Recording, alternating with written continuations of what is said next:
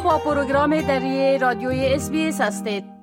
شنونده های عزیز گزارش ها در مورد قیمت املاک و منازل در استرالیا نشان میده که سیر نزولی قیمت خانه ها و منازل همچنان ادامه داره و متخصصین ادامه ای میلان در مارکت املاک به همی شکلش پیش بینی می‌کنه برای سال 2023 هم. در این حال نرخ کرای منازل کرایی سیر سعودی خود ادامه میده اکنون آقای بشیر احمد کشتیار متخصص امور بانکی میمان برنامه ماست تا درباره قیمت خانه ها به صورت عموم و تغییرات در قیمت ها و نرخ در مناطق مختلف استرالیا و همچنان در مورد آینده نرخ منازل صحبت کنند. آقای کشتیار با عرض سلام قسمی که قبلا گفتم گزارش ها و ارقام نشان میته که در ماه جنوری قیمت منازل باز هم کاهش یافت و کاهش در ماه جاری هم ادامه داره بله؟ سلام خدمت شما و شنوندای عزیز بله همونطور که شما گفتین همون سیر نزولی خودم می پایمایه و در سطح ملی اگر در نظر بگیریم در سطح سر استرالیا نرخ منازل در ماه جنوری یک فیصد پایین آمده که البته در یک سال گذشته اگر مجموعی فکر کنیم دو فیصد کاهش یافته. بله ای در سطح استرالیا خب بله. حالا می‌تونین بگوین که در هر شهر در ماه جنوری چی مقدار قیمت منازل پایین آمد و در یک سال گذشته چطور بود وضعیت؟ اگر یک سال گذشته یا دوازده ماه گذشته را در نظر بگیریم بدون شک سیر نزولی خود پایین بوده خصوصا از ماه میوه سو. در ماه جنوری در سیدنی یک اشاره دو فیصد پایین آمده که در یک سال گذشته به سیزده اشاره اشت فیصد کاهش یافته. در ملبورن قیم منازل یک اشاره یک فیصد پایین آمده. در دوازده ماه گذشته نو اشاره سه فیصد کاهش نشان میده.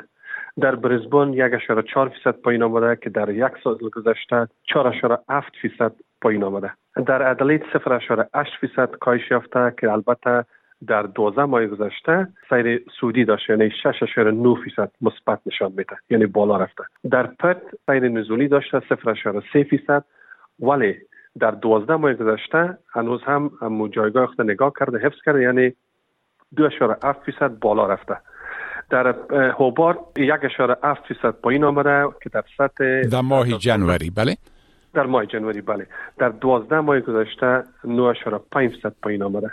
در داروین در ماه جنوری 0.1 فیصد کاهش یافته اما در دوازده ماه گذشته سیر سعودی داشته 3.7 فیصد بالا رفته. و در کانبیرا یک فیصد پایین آمده در ماه جنوری سال جاری در حالی که در دوازده ماه گذشته 5.9 فیصد کاهش یافته. و در مناطق دوردست یعنی مناطق ریجنال کامباین اگر کلش در نظر بگیریم 0.8 فیصد کاهش یافته در ماه جنوری که در 12 ماه گذشته 2.3 فیصد سیر نزولی پیدا کرده بله خب در نرخ منازل کرایی در ماه جنوری چی تغییر رخ داده؟ بله شکیب صاحب نرخ منازل کرایی در دوازده ماه گذشته اگر در نظر بگیریم بالا رفته. همچنان از یک سو کرا بالا رفته و سوی دیگه میزان شمار منازل کرایی البته هم تقلیل یافته. یعنی شمار منازل که برای کرایه موجود است کمتر شده یعنی خانه های خالی کمتر بله. وجود داره. بله. اگر به دقیق اگر ما سیدنی رو در نظر بگیریم در جنوری 2022 میزان منازل خالی 2.3 فیصد بوده. در حالی که جنوری امسال به 1.3 فیصد رسید و نرخ در اینجا 8.9 فیصد بالا رفته. ملبون به می ترتیب جنوری 2022 3.3 فیصد بود و حال پایین آمده 1.2 فیصد شده و نرخ منازل کری 6.7 فیصد بالا رفته.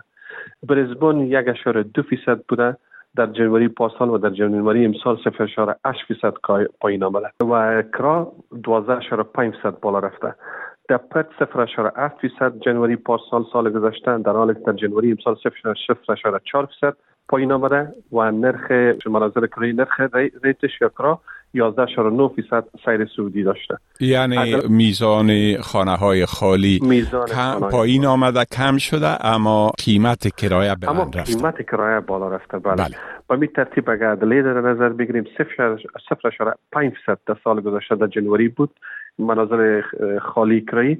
در حالی که تغییر عمده نموده امو 0.5 فیصد باقی مانده ولی نرخ منازل کرایی 12.4 فیصد بالا رفته.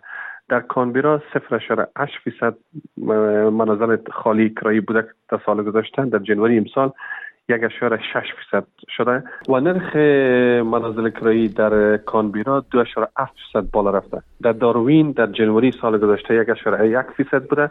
در حالی که در جنوری امسال یک اشاره سه فیصد رسیده. و نرخ کرا چهار فیصد بالا رفته در دوازده ماه گذشته.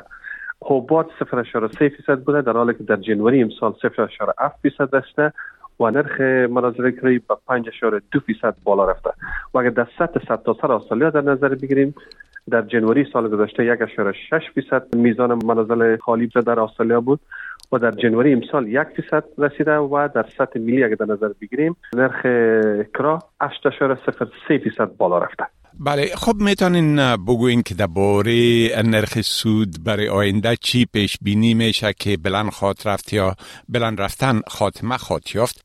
شکیب صاحب بسیار جالب است. خوب موضوع شما اشاره کردین. البته چهار بانک عمده استرالیا کامنولت یا سی بی نب یا نشل بانک و سپک و اینزد باشه نظریات متفاوت در قسمت بالا رفتن نرخ سود داره بانک کاموال چنین پیش بینی می‌کنه که دیگر اینترست یا نرخ سود بالا نمیره. برعکس نشنل بانک به یک قید است که ممکن دو بار دیگه هم نرخ سود بالا بره. ولی بانک وسپک و بانک انزد چنین پیش بینی می‌کنه که نه ممکن سه بار دیگه هم بالا بره. بعد از شاید توقف کنه و شاید پایین بیه و چنان در قسمت قیم منازل هم نظریات متفاوتی وجود داره بعضی کسا پیش بینی می‌کنن که ممکن در سال 2023 بین 10 تا تا 20 25 فیصد شاید قیمت منازل دیگه هم پایین به ولی چون نظریات یک یکسان نیست نمی‌تونیم که اتکا کنیم به یک نظر خاص.